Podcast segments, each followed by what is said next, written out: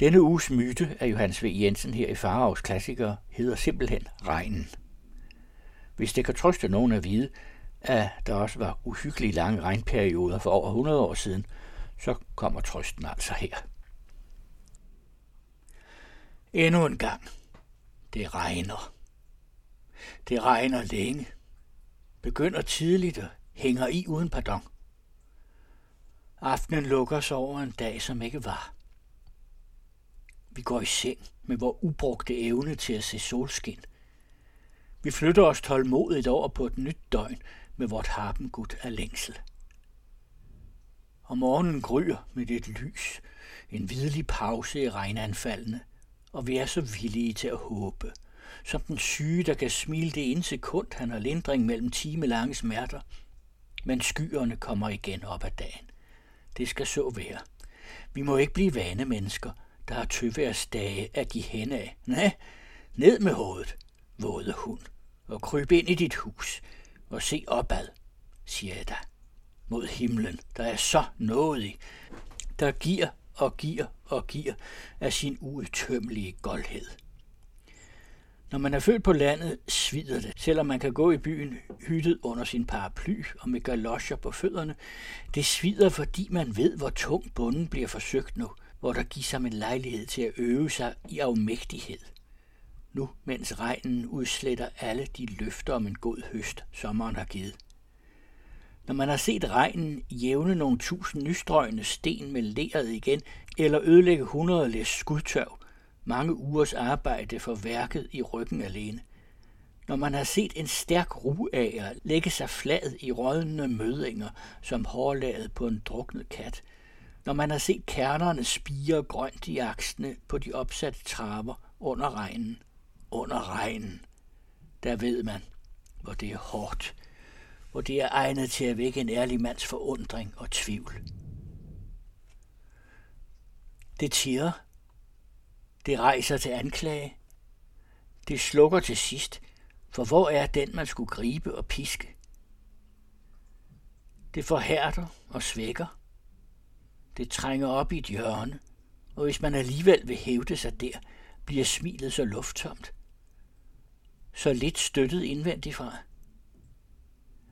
Det gør grå og stivsindet, for der er ingen overbevisende naturmagt. Ingen eruption i regnvejret. Det drøber og undergraver og øder.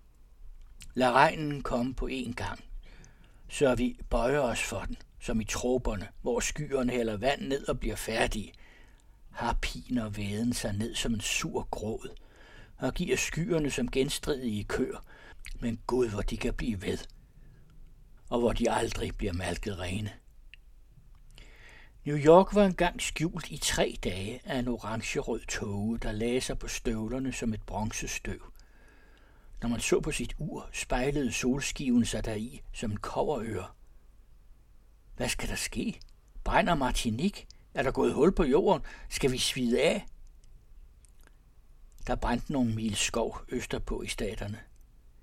Men det var en rar afveksling for en, der fra sit hjemland ikke forstår andet ved en klimatisk katastrofe, end at vask bliver revet fra snorene 17 gange om dagen, og landmanden ser sit korn langsomt fordærvet af vand.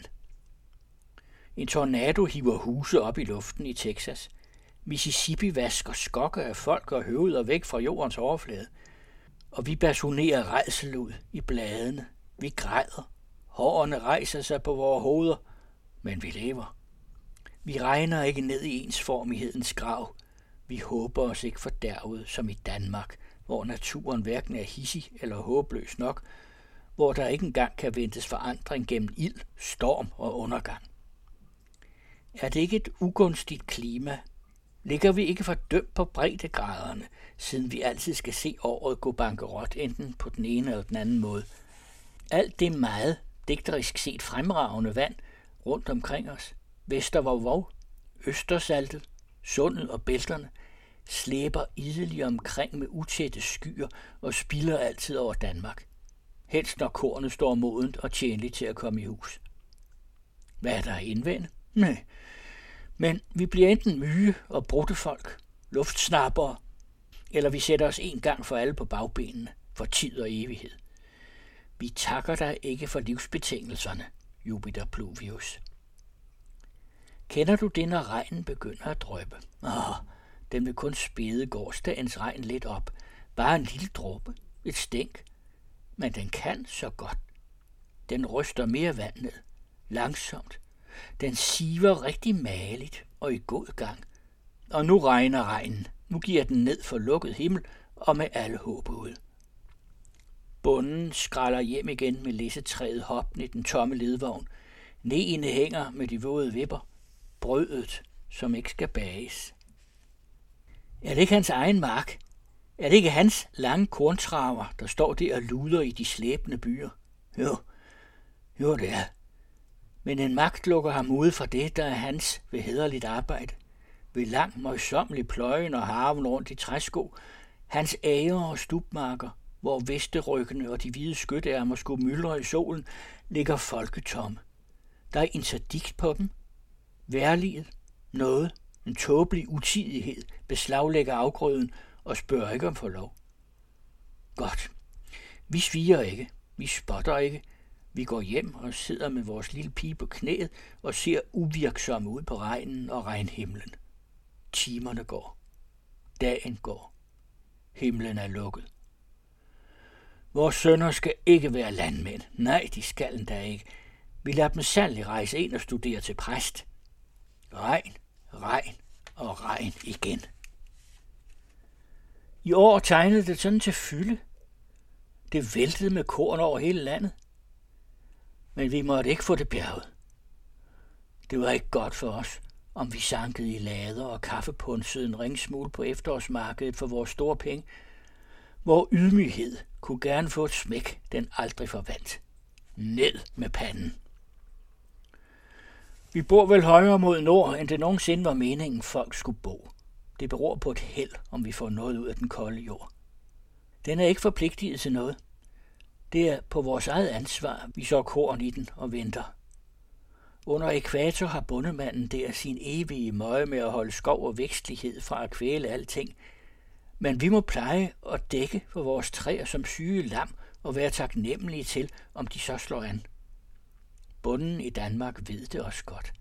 Han er tålmodigere end skildbassen, der kravler op ad væggen og falder ned igen og kravler til igen og bliver ved de utallige gang. Det danske bondesind er fra gammel tid indstemt på, hvad der er muligt og hvad der må være.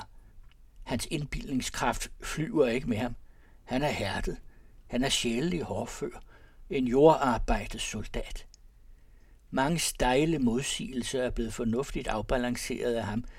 Han er tung af slægters erfaring.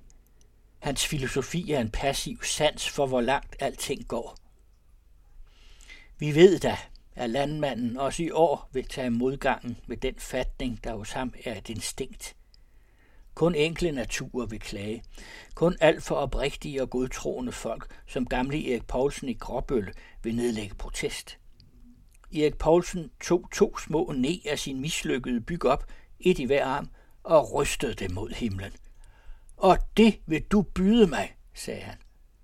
Han troede på herrens pagt med Noah. Myten om regnen kunne læses første gang i Illustreret Tidene den 6. september 1903 og blev senere samlet af Niels Bjørn Vamberg i samlingen Mørkets frodighed fra 1973. Der kommer flere myter af Hans V. Jensen her i Farovs Klassikere i de kommende uger. I næste uge skal det også handle om regn.